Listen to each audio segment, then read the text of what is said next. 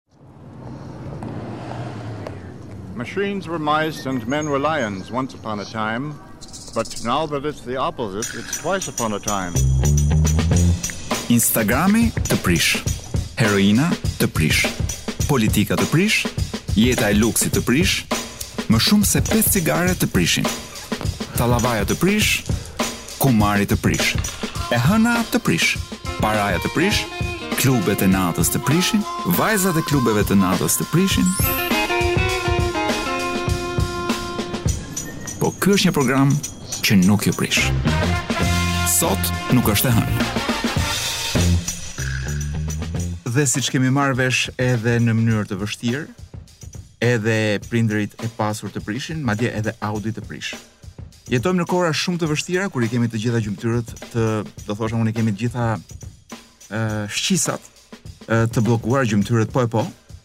ë Qëllon ndonjëherë, sidomos këto javët e fundit që na vjen një si erë bliri në hund. Dikur në Tiranë ti mund të nuhasje për javë të tëra erën e blirit, e të luleve të blirit, por duhet vetëm një moment kur era zhduk pluhurin dhe smogun, vendin e smogut e zë aroma e blirit. E aty të kap një ndjesi kështu duket si diçka e harruar, një aromë bliri, në një qytet uh, që nuk ka më aroma, ka vetëm tym. Dhe pastaj uh, sytë, zakonisht nuk i ngremë sytë lart. Po kur i ngremë sytë lart shohim që sipër nesh ka shumë gjëra, ka shumë ka shumë beton. Ë na kanë akuzuar se vuajmë nga sindroma e King Kongut. Ë por ç'të keqe ka të vuash dhe nga sindroma e King Kongut. Ë a mos vallë ishte më mirë jeta pa gjëra të mëdha prej betoni lart. Dhe pastaj uh, vijmë te shqisa tjetër që është uh, ajo e të dëgjuarit. E keni vënë re që makinat që mbajnë muzikë me zë të lartë janë kryesisht ato që kanë muzikën më të shëmtuar. Pra ata që janë njerëzit që janë më problematikë do thosha në këtë shoqëri për sa i përket shijeve, janë ata që duan të bërtasin më shumë. Pra janë ata që duan t'u imponojnë të tjerëve më shumë atë që dëgjojnë.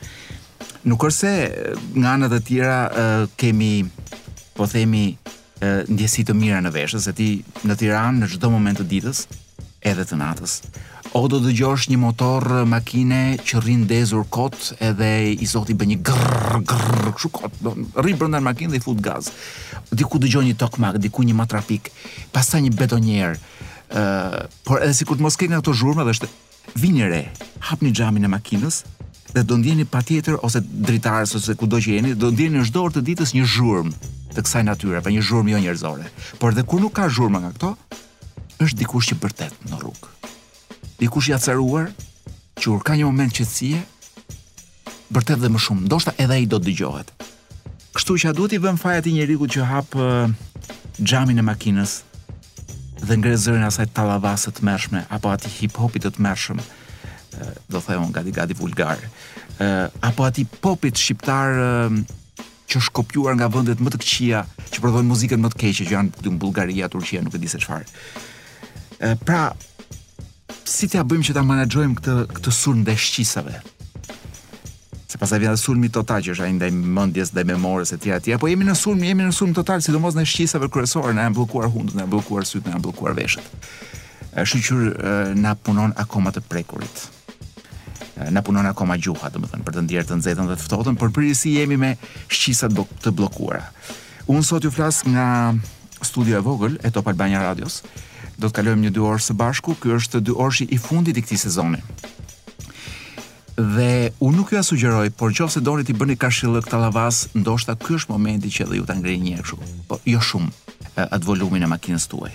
Sepse do ta hapim me një gjë që uh, unë nuk e dëgjoj kurrë nëpër muzikë, pra me një lloj muzike që nuk e dëgjoj kurrë nëpër nëpër uh, makinat e shtrenjta uh, me muzikë të lirë. Do e hapim me Rammstein. Sot nuk është e hënë në Top Albania Radio, unë jam Koloreto Cukali. Instagrami të prish. Sot nuk është e hënë. Jemi rikthyer në sot nuk është e hënë dhe jemi në pjesën e lajmeve të vështira. Apo nuk e di se si mund të përkthehet fjala hard. Jemi në pjesën e lajmeve hard, lajmeve të rënda Ë le do të kalojmë një panoramë të shpejtë të gjërave që kanë ndodhur në javën e kaluar. Do ta fillojmë nga gjëja më shqetësuese, është ky incidenti i Audit, që me sa kuptova ka tronditur shumë njerëz. Domethënë brenda 10 minutash kur doli lajmi, tre njerëz të ndryshëm erdhën dhe më thanë të shqetësuar, e morëve çfarë ndodhi. Domethënë njëri ishte taksixhi, tjetri ishte kamarier, tjetri ishte një një mik i imi. Ë unë e kuptoj shumë mirë të gjithë këtë angazhimin, angazhimin e dhimbjes ë dhe të empatisë me këtë ngjarje. Por unë kam një problem shumë të madh me reagimin me reagimin njerëzor të shqiptarëve në këtë rast. Sepse ka diçka që nuk më shkon. Ë ka diçka që nuk më shkon sepse ndoshta edhe ne përtojmë të mendojmë shumë. Ne mendojmë që problemi është thjesht një fëmijë ndoshta i droguar. Ne mendojmë problemi është llastimi, dikush më i sofistikuar mendon që problemi janë prindërit që llastojnë fëmijët.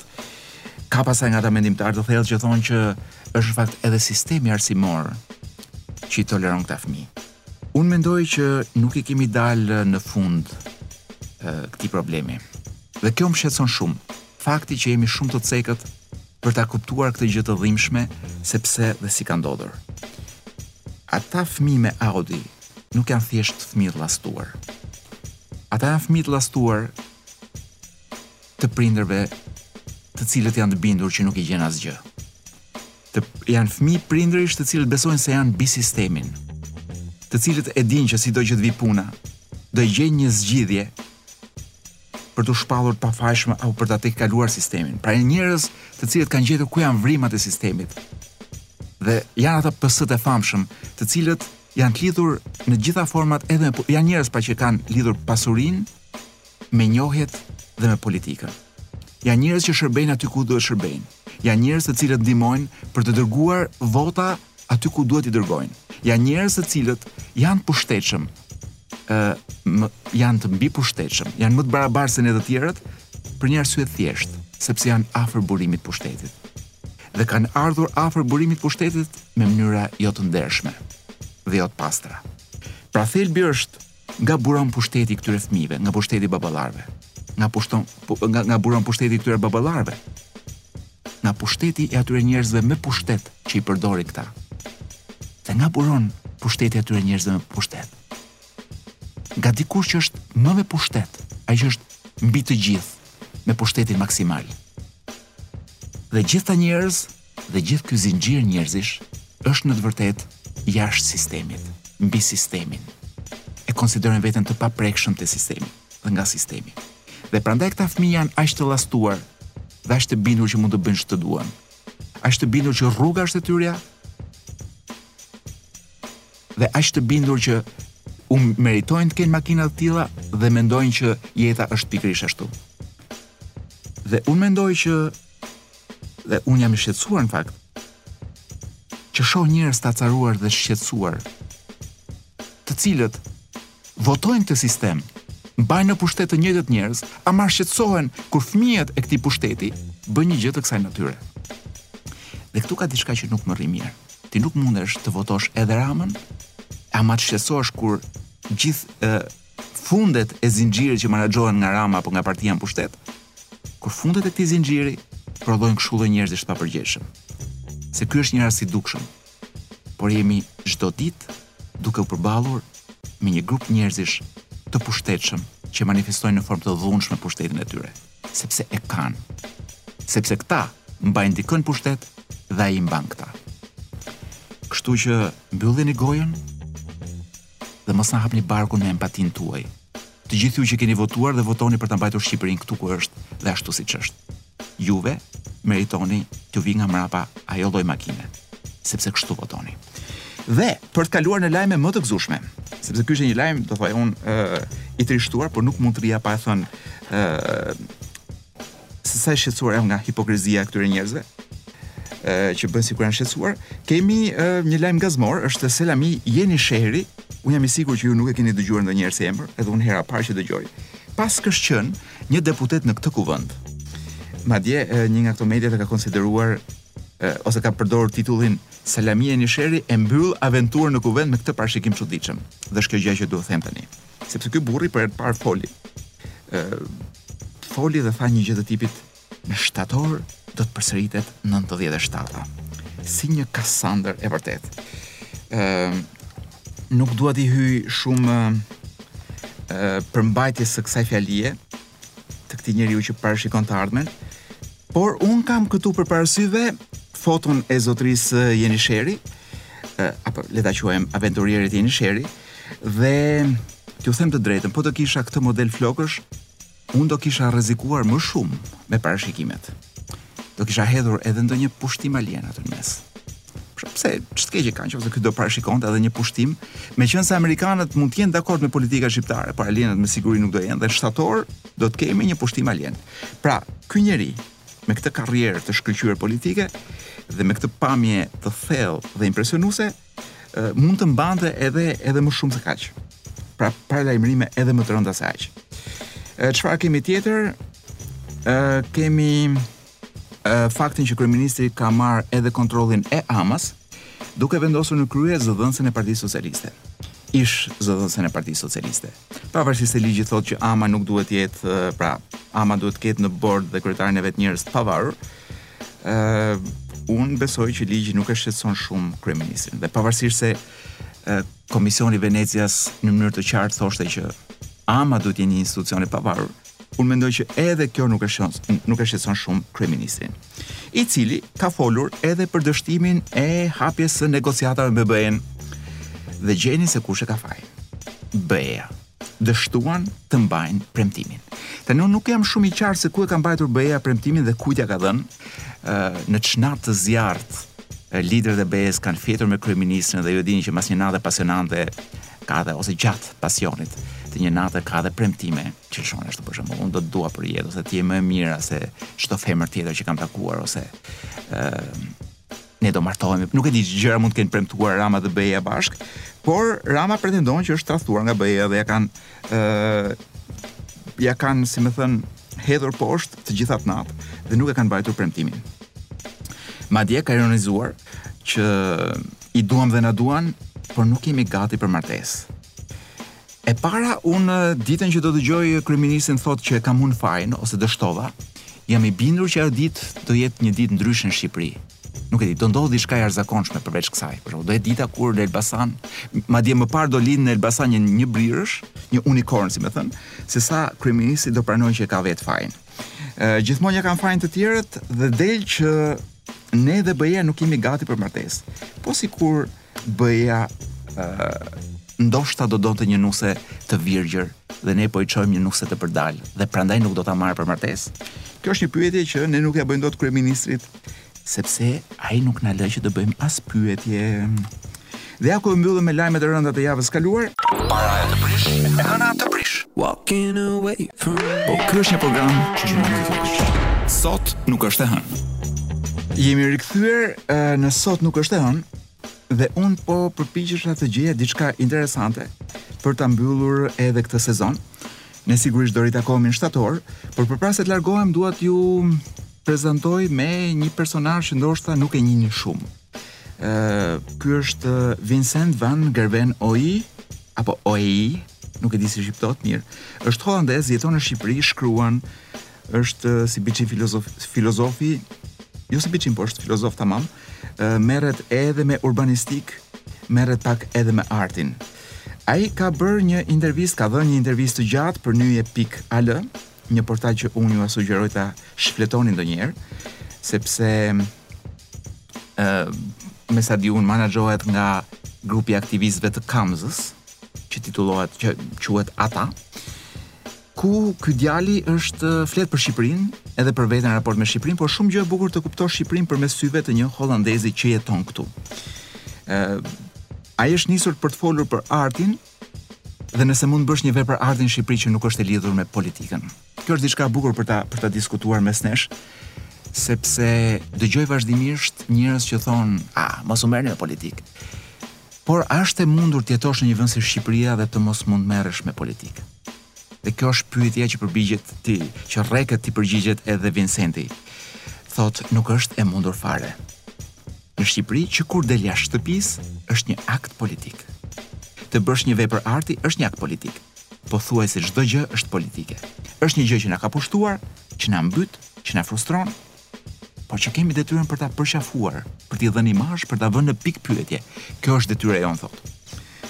Ë duke shfletuar në intervistën e tij është siç ju thashë është një intervistë me vlerë për ta lexuar. Imagjino, mund të lexohet edhe në celular, mjafton të shkosh në nyje.al. E ka edhe exit.al, pra e ka ripostuar. Ë ky ndër të tjera Vincenti thotë këtë gjën. Ë për sa i përket standardit të dyfish të kryeministrit shqiptar, i cili brenda Shqipërisë prezantohet si politikan i reformave të mëdha, kurse jashtë si artist. Dhe Vincenti thotë, përdorimi i dyfishtë i figurës tij, brenda vëndi si burrë i madh dhe jashtë vëndi si artisti që merret me gjërat cerebrale dhe vizionare. Mendoj thotë se në fillim ka qenë një lëvizje e zgjuar. Pikërisht me këtë pjesë jam përpjekur të merrem që prej fillimit dhe kryesisht e kam kritikuar në hapësira të artit jashtë Shqipërisë. Kam bërë disa analiza brenda diskursit ndërkombëtar artistik, nëpër revista të artit e tjerë e tjerë thotë, në lidhje me këtë taktikë apo strategji të propagandës tij. Nuk mendoj që mund të bëj një ndryshim brenda Shqipërisë, pasi jam i huaj, por jashtë saj mendoj që kam zhvilluar një tjetër ndjesi mbi mënyrën se si Edi Rama e ka përdorur botën e artit për të pastruar imazhin e tij. Madje thotë ky, vetëvlerësimi i lartë i Edi Ramës i vjen më së shumti nga bota e artit. Dhe nuk besoj shumë që sulmet politike të lançuara nga opozita mund t'ia prishin këtë imazh. Ë ka dhe shumë tema të tjera për cilat ë Vincent Van Gerven Oei flet, unë ju sugjeroj shumë që ta lexoni deri në fund. Sepse siç thashë, është një mënyrë për të lexuar Shqipërinë përmes syve të një hollandezi. Nuk është e hënë. Sot nuk është e hënë. Sot nuk është e hënë në Top Albania Radio dhe unë po flas nga studio e vogël e radios. Që megjithatë është e madhe sa ndoshta më e madhe edhe se shumë studio radiosh të tjera.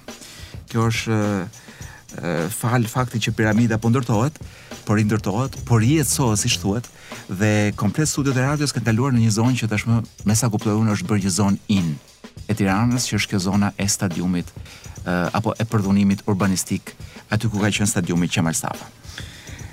Po kaloja madje duke ardhur për në radio, po kaloja nga piramida për të parë rijetësimin e saj dhe pashë që po ndërtohej. Domethënë, edhe në një vënd, edhe në një ndërtesë që ka një identitet shumë të qartë, arkitekturor, këta që po e rijetësojnë, po, po i shtojnë ca gjëra. Pra do jetë piramida po me ca ndërtesa ekstra, të cilat unë nuk i kuptoj pse duheshin dhe mbi të gjitha për një vepër arkitekturore kaq të rëndësishme të qytetit. Nuk e kuptoj se si ky vendim është marrë pa një lloj diskursi dhe debati publik. Dhe ku janë ata burra të rëndë, ata Artan Lamër, edhe ata Shkrelër, ku di unë gjithë ata njerëz të cilët vazhdimisht kur ishin opozitë flisnin për me pasion për urbanistikën, Edhe për arkitekturën, ku janë dhe pse nuk ndihen. Megjithëse kam një përshtypje që ndjehen po aq të përdhunuar sa ky stadiumi ku ku kemi studio tani. Ë, kështu që më duket, unë nuk e di nëse është nëse është vetëm problem shoqëror apo mund të ishte dhe një problem ligjor, fakti që ndërhyret edhe ndërtohet tek zona e piramidës dhe nuk është më rijetëzim, është rindërtim i saj. Nuk e di se për çfarë duhen ato kubat. Por më ngjan pak a shumë me tentativën ë për të thënë që çdo gjë është keq dhe ne dimë ta bëjmë më mirë, që është pikërisht një mentalitet kryesisht katundaresk, që gjen sidomos në vende si Shqipëria, dhe ku edhe njeriu më i ditur i Shqipërisë, pra ai që udhëheq vendin, mund të jetë më katundar nga të gjithë, pavarësisht se ne e mendojmë për artist të madh. Dhe unë besoj që kjo është fryma që na bën që çdo gjë të tentojmë ta modifikojmë. Pra kjo nevoja jonë për të për të ndryshuar gjithçka me idenë që ne mund ta bëjmë më mirë. Ë kur më kujtohet një fjalë e vjetër, më duket se është britanike që thotë qoftë se nuk është e prishur, mos u përpiq ta ndreqësh. Ë jam nisur për të folur për gjuhën në fakt, sepse gjuha po pëson të njëjtin fat si piramida, gjuha shqipe. Dhe jam nisur të flas për gjuhën shqipe meqenëse sot kam ardhur pa librin me vete. Megjithatë, ju kujtoj që libri që do kishim lexuar sot, po ta kisha marrë vete, me vete, do ishte libri i doktor Irvin Jalom, Krijesat e një dite. Doktor Jalomi është një psikologjist i njohur, psikolog, i cili është njëkohësisht edhe shkrimtar. Libri që unë kam përzgjedhur, Krijesat e një dite, nga i cili kemi lexuar dhe javët e kaluara, është një libër i ndërtuar me rrëfime rreth takimeve të doktorit psikolog me disa pacientë, secili me veçantinë e vet.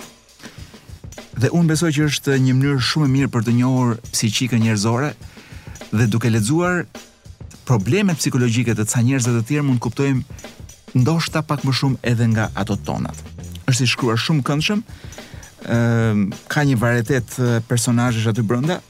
Janë të gjitha ngjarje histori reale, kështu që unë jua sugjeroj shumë që ta lexoni këtë libër të Doktor Jalomit. Dhe si gjithmonë ju e dini që këtë libër ju mund ta gjeni me ulje në bukinist.al. Jo vetëm këtë, po edhe librat e tjerë të Jalomit.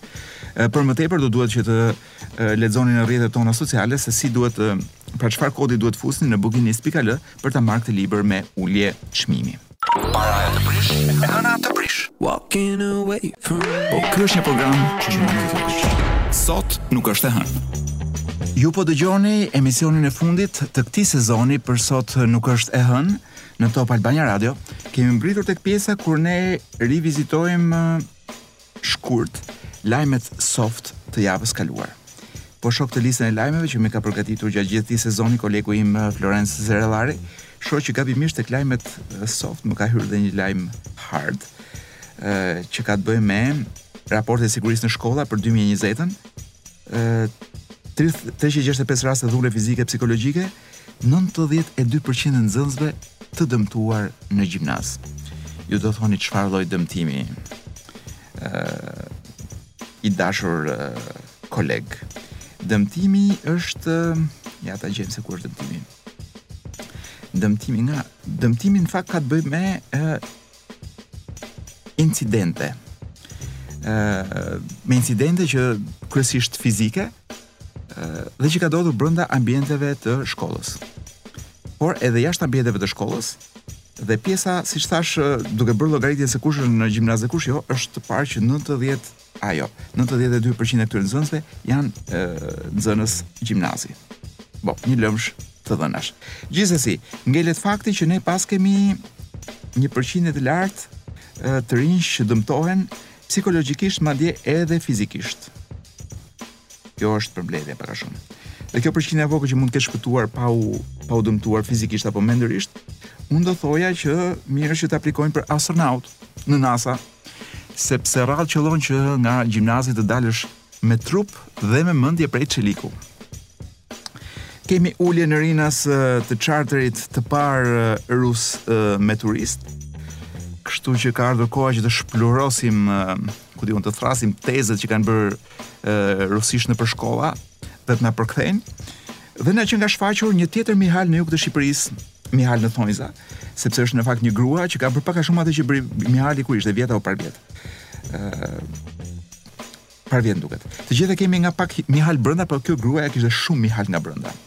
Çështja është ky Mihali që kemi brenda si shqiptar, ky Mihali që ë atij turistit apo atij mysafirit do t'i marrë shpirtin, ne do ta lëmë të dalë jashtë, pra do japim bukë këtij Mihalit që kemi brenda apo do lëmë të ngordhi urije? Kjo është çështja. Ë tash ka njerëz që këtij Mihalit i japin çik bukë kos sa për ta mbajtur gjallë. Nuk duan ta ngordhin, e mbajnë Mihalin brenda, kanë çik Mihal brenda. Po kjo gruaja që po shihja unë pak më përpara në video, kjo nuk i jep Mihalit Bukë me kos, kjo jep Mihalit, ku di unë, jep kes në hell, se kjo Mihali brenda kësaj ishte i tmerrshëm. Dhe qante ajo vajza e vogël në video. Kemi po në video dhe Metën që luan me top buzë detit pas shkarkimit nga parlamenti. Uh, unë besoj që njeriu më i ndërlidhur bukur me rrjetet sociale në gjithë këtë periudhë ka qenë kryeministri Meta që ia ka dalë nuk e di se si të kombinojë vetveten me me ku di unë herë me herë me lugina, herë me lëndina dhe herë me detra dhe këtë radhë edhe me topin. Pra është një pamje me top, me Metë edhe me det. Nuk di çfarë mund të doni më shumë nga jeta. Dhe për ta mbyllur, bota paska zyrtarisht pesë oqeane, i paskan qua, i paskan shtuar botës dhe botës edhe oqeanin jugor. Që unë nuk e di, po këta të National Geographic kanë treguar një lloj injorance sepse po ta dinin gjendjen e Don Boskos kur bie shi në Tiranë, unë mendoj që do ta konsideronin dhe një oqean të gjashtë. Por ç'të merremi kot me National Geographic. Instagrami të prish. Sot nuk është e hënë. Ju po dëgjoni emisionin e fundit të këtij sezoni të sot nuk është e hënë. Kështu që për dy muaj që vijnë do të vazhdojë të jetë e hënë dhe nuk do të jetë më e hënë duke filluar që nga shtatori. Do t'ju flas pak për pasurinë dhe për faktin që 5 milion njerëz u bënë shumë të pasur gjatë pandemisë duke përfituar nga pandemia. Ë ndoshta nuk do flas shumë për këtë. Por gjëja që mua më shqetëson shumë është që kjo krizë Thjesht ka rritur numrin e ca milionerëve, të cilët arritën të kuptojnë se si të shfrytëzojnë vuajtjen, ë dhimbjen dhe peshën që ra mbi sistemin ekonomik dhe shoqëror të, të globit. Dhe e çuan shifrën e të pasurve në 56.1 milion njerëz. Çka nënkupton shtim të të varfërve, sigurisht. Por gjëja që mua më shqetëson po thoja është që vërtet janë 56 milion të pasur, por janë 5.6 miliard duke hequr kalamajt edhe pleqt e droguar, të cilët të droguar me ilaçe të rënda qetësues, të cilët nuk duan të dinë më për hallet e kësaj bote. Po pjesa tjetër, po themi 5.6 miliard do thoja unë, ëndrrojnë të je, të ishin te ky 56 milionshi. Ë dhe kjo ëndërr për të qenë të pasur dhe për t'u pasuruar shpejt është ndoshta drama më e madhe botërore ë e kohëve moderne. Kështu që unë u mora me një me një burrë të pasur i cili ka shkruar dhe libra dhe që flet për pasurinë. Dhe do doja që me këtë rast të flisim për tre forma të pasurisë. Ë neve kemi fatin e keq që dy nga këto forma të pasurisë t'i shohim përditë. Ë pra janë vazhdimisht në sytë tanë, në rrugët tona, në plazhet tona dhe një nga format që është ajo më përhapura është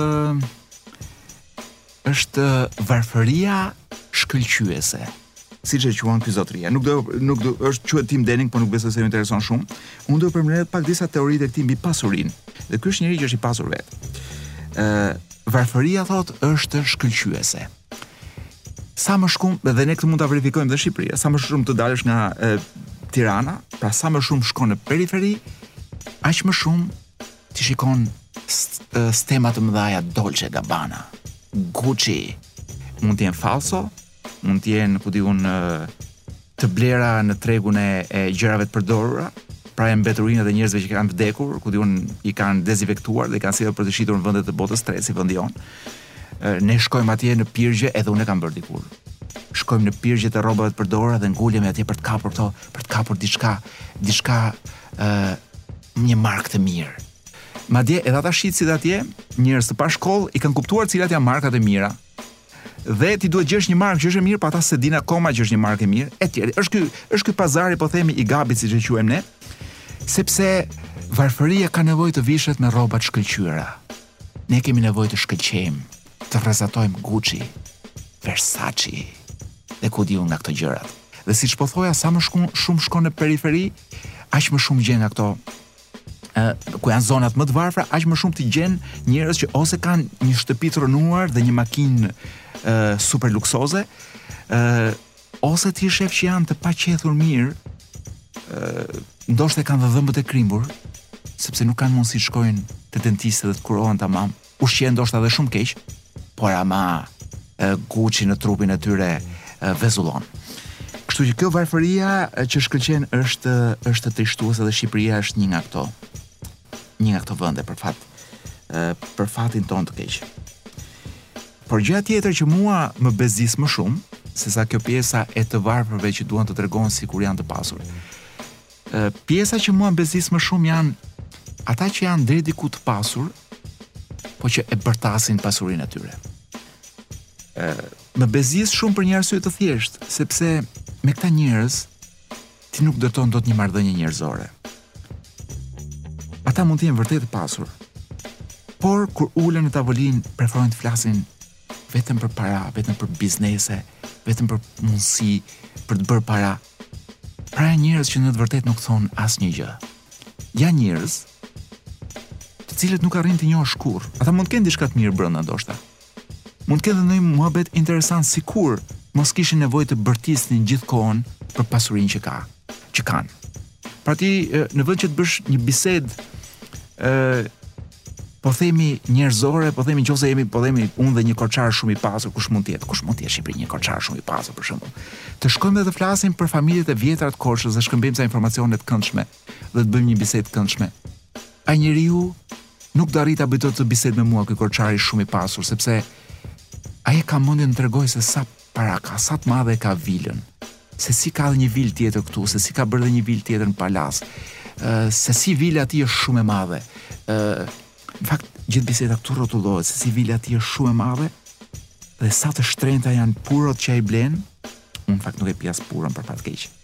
Kjo puroja në dorë është një tjetër formë e e varfërisë që që që shkëlqen, që tenton të shkëlqejë, por edhe të pasurve që duan të bërtasin. Për njerëz që kanë një shtëpi të mirë, ndoshta ca të ardhura të mira që duan të bërtasin pasurinë e tyre, ta bërtasin me një puro në dorë atje.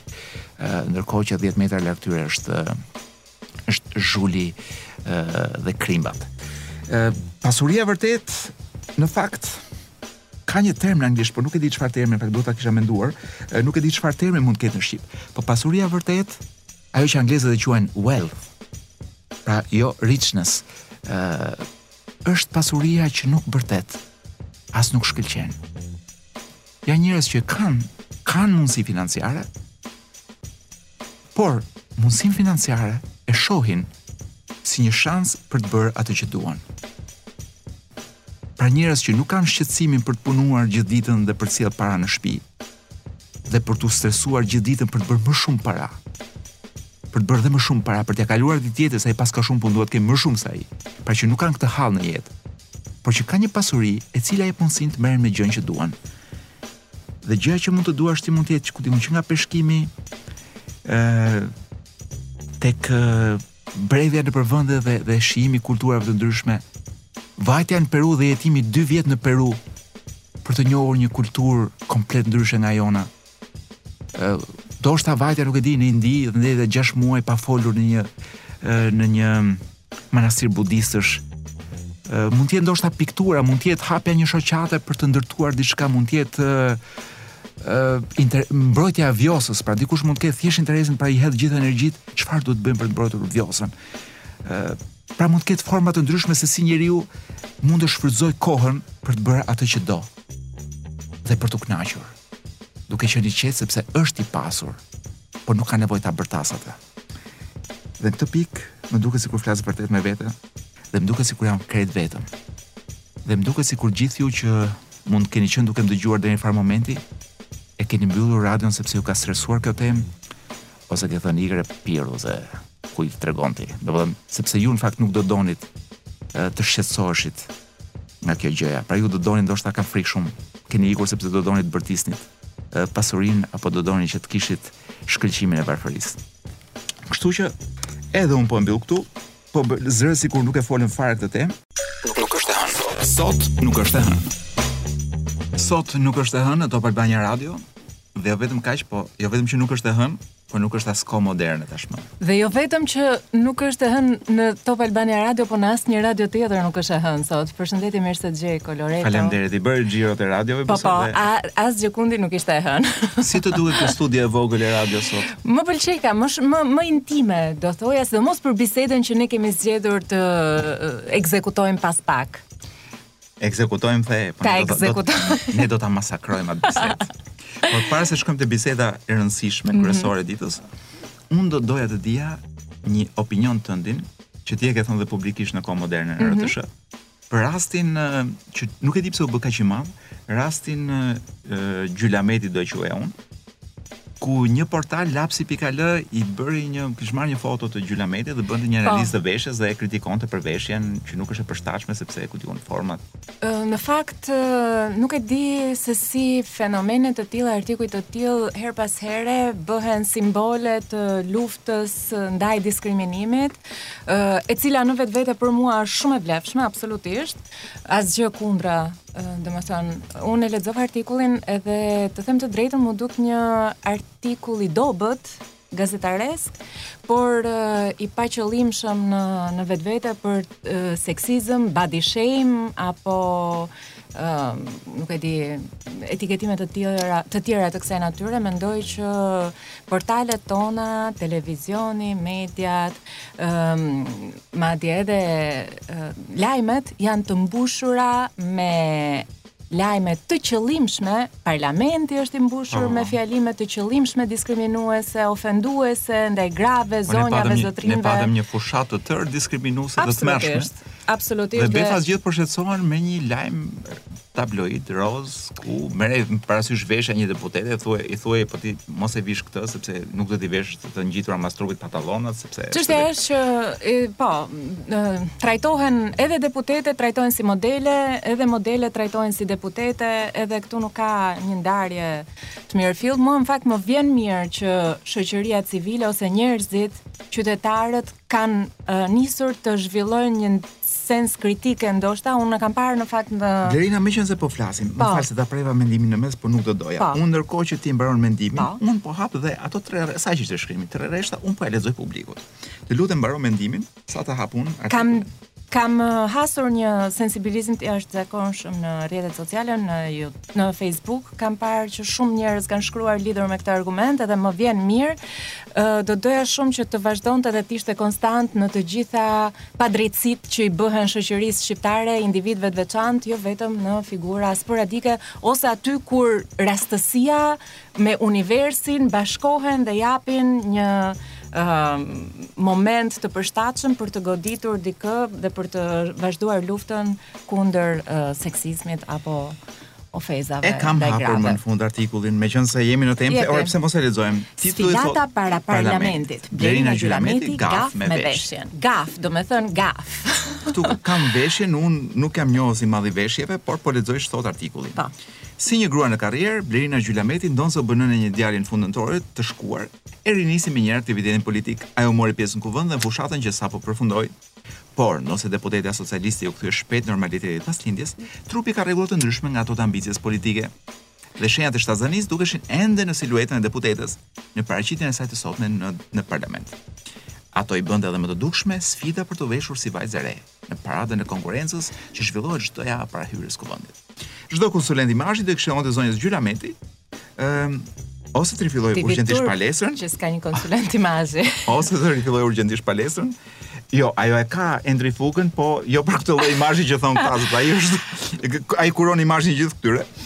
Pra, çdo konsulent do t'i këshillonte zonjës Gjylameti ose të rifillojë urgjentisht palestrën ose të paraqitet me rroba që nuk qëndrojnë ngjitur pas trupit, sepse shenjat e shtatzanisë i ka ende prezente. Tani, domethënë jemi biem gjithë dakord besoj që ky është një artikull i shkruar shumë keq. Dhe pa, po, jo profesional. Jo profesional. Jo gazetaresk. Nga ana estetike do themi është i keq. Por nga ana etike unë nuk shoh ndonjë problem. Me thënë të drejtën siç e u tentuan ta trajtojnë sikur ka shkelje etike dhe ku di unë.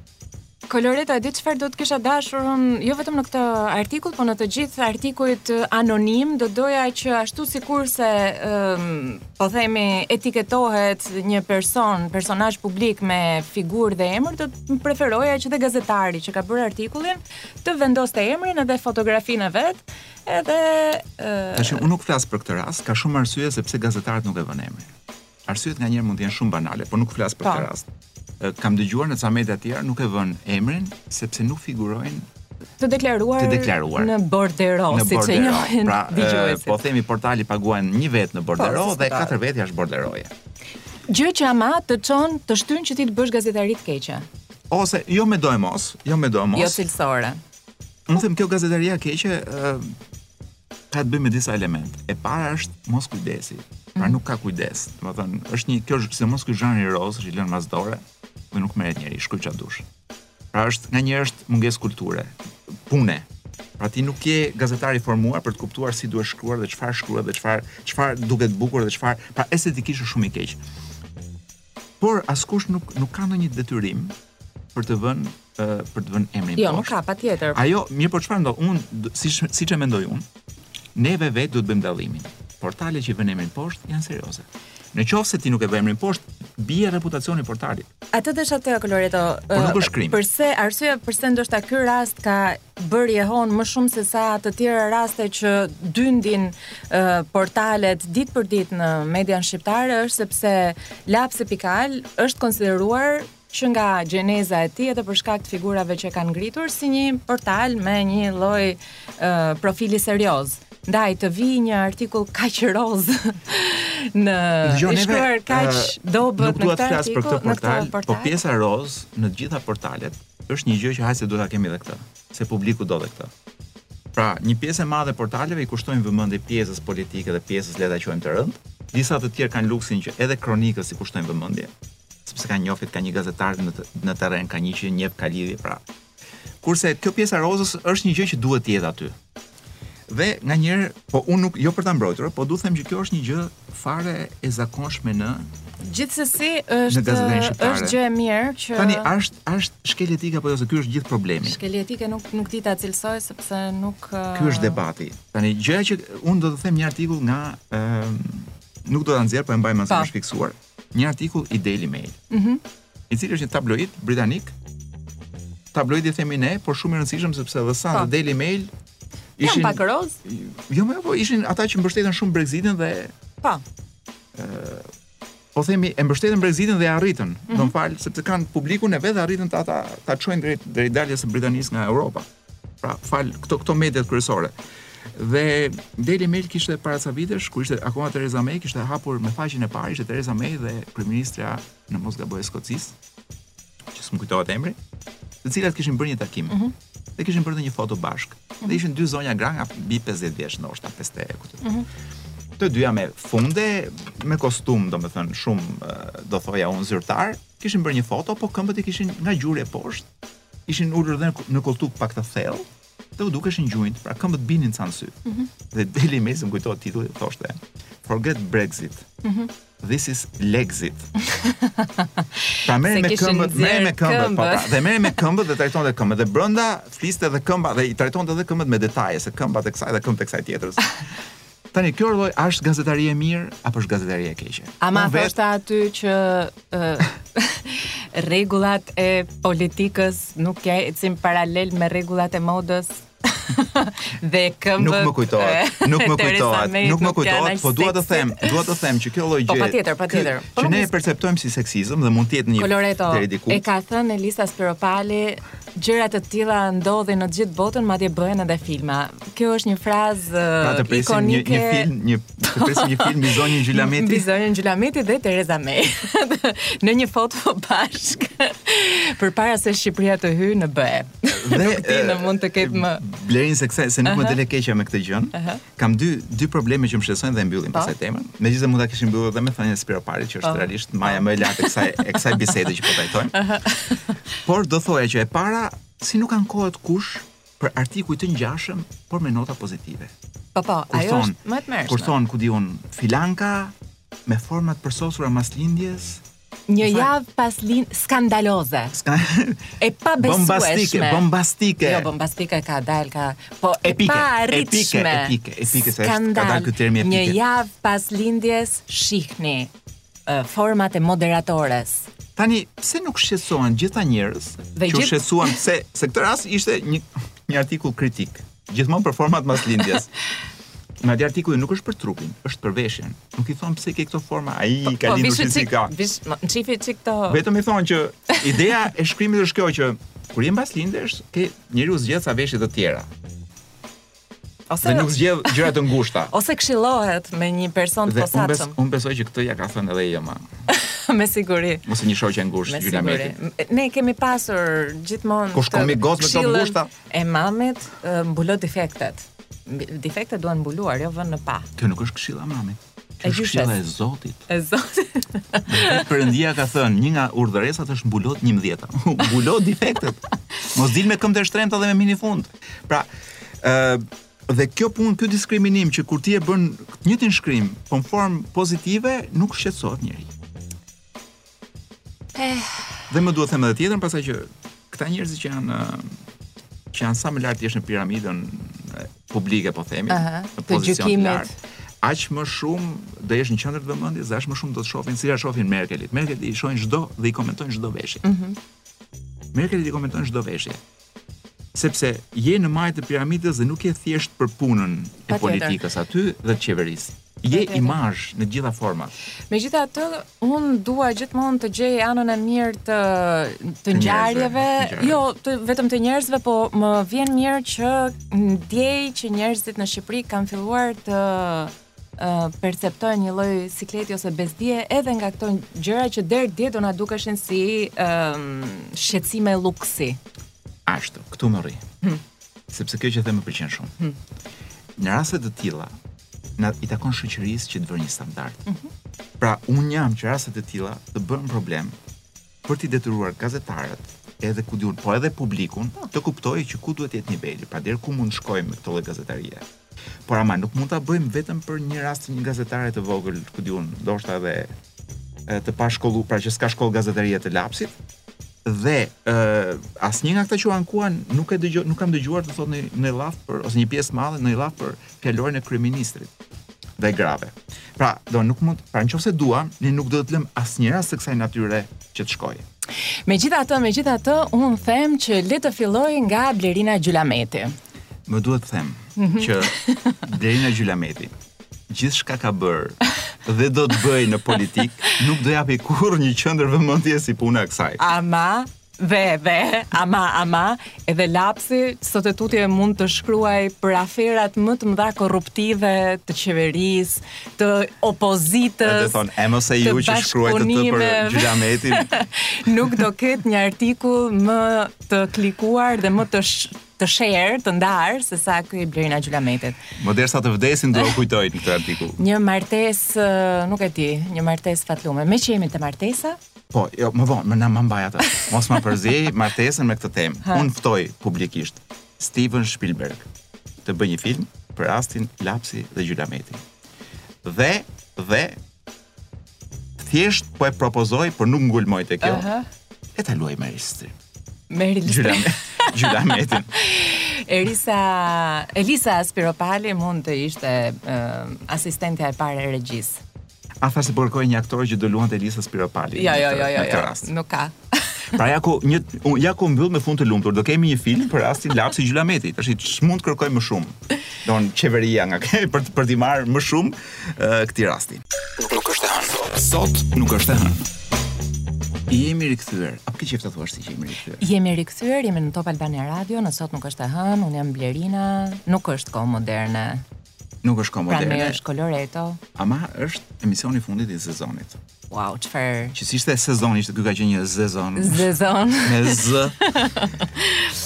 Po dhe ne po japim po disa po. këshilla për të gjithë ata që janë ndoshta në hapat e para të një lidhjeje që mund të ngjajë shumë fatlume, por që nëse partneri i tyre mund të ishte një njeri me karakter pak shpirt lir apo pak i papjekur apo me ndonjë varësi nga alkooli, substanca të tjera të rrezikshme, mund të çojë në një lidhje që nuk do ta ketë shumë të gjatë jetën. Po. Kështu që na kanë mbetur dhe dy lloje të tjera njerëzish që duhet t'i evitojmë koloreto. Inshallah, s'jam tek një nga këto dy. Jo, nuk besoj. Ë, uh, pse e lëviz këtë këmbën kështu sikur je pak nervoz, më duket jo. E kam nga mungesa e çajit. Duhet të evitojmë njerëzit me probleme të pakuruara të shëndetit mendor. Pra, Këtu është. Ata që lëvizin këmbën për po, shembull. Këtu është pika që mendohemi të gjithë. Po, po pra.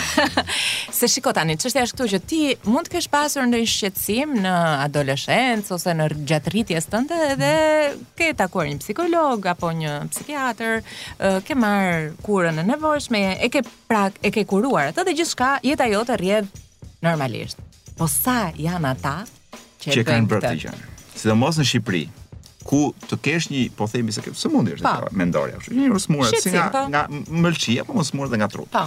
Dhe duhet thjesht trajtuar që të kthesh trurin sikurse mëlçinë në terezi.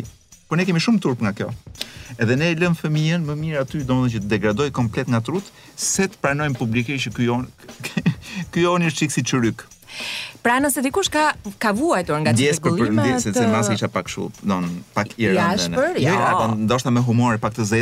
Jo, po ashtu është, është e vërteta. Ne në Shqipëri shpesh herë dëgjojmë njerëz që dukshëm mund të kenë pasur ndoshta edhe evidenca të çrregullimit të tyre të humorit apo mendor dhe nuk vazhdojnë të thonë që jam shumë mirë. Po, pra. Jam shumë mirë. Ndërkohë që ti shef që akulloren e ngul në ball, shumë vap, në vend që ta fusin në gojë e ngul në ball. O Ore, dhe është shumë mirë. Halli nuk është kur këta janë vetëm edhe me veten e tyre bëjnë çfarë duan, sigurisht edhe ky mund të jetë një problem, por dhe, dhe problem tjetër është edhe ky tjetri, që njerëz që e dinë që këta janë me probleme tentojnë t'i martojnë me shkesi në Shqipëri. Eksakt.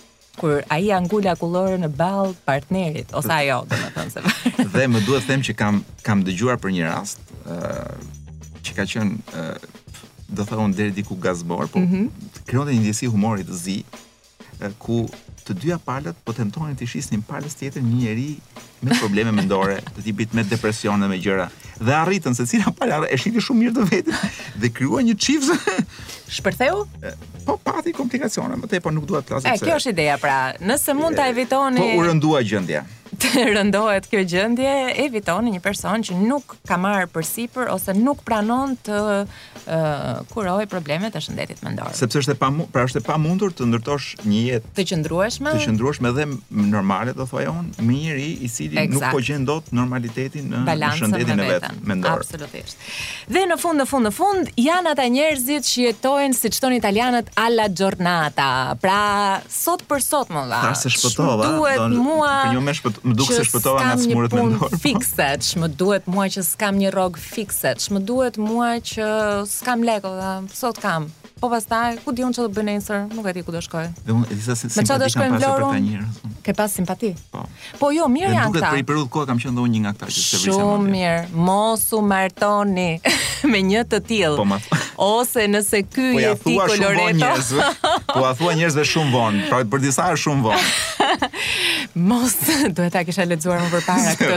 studim.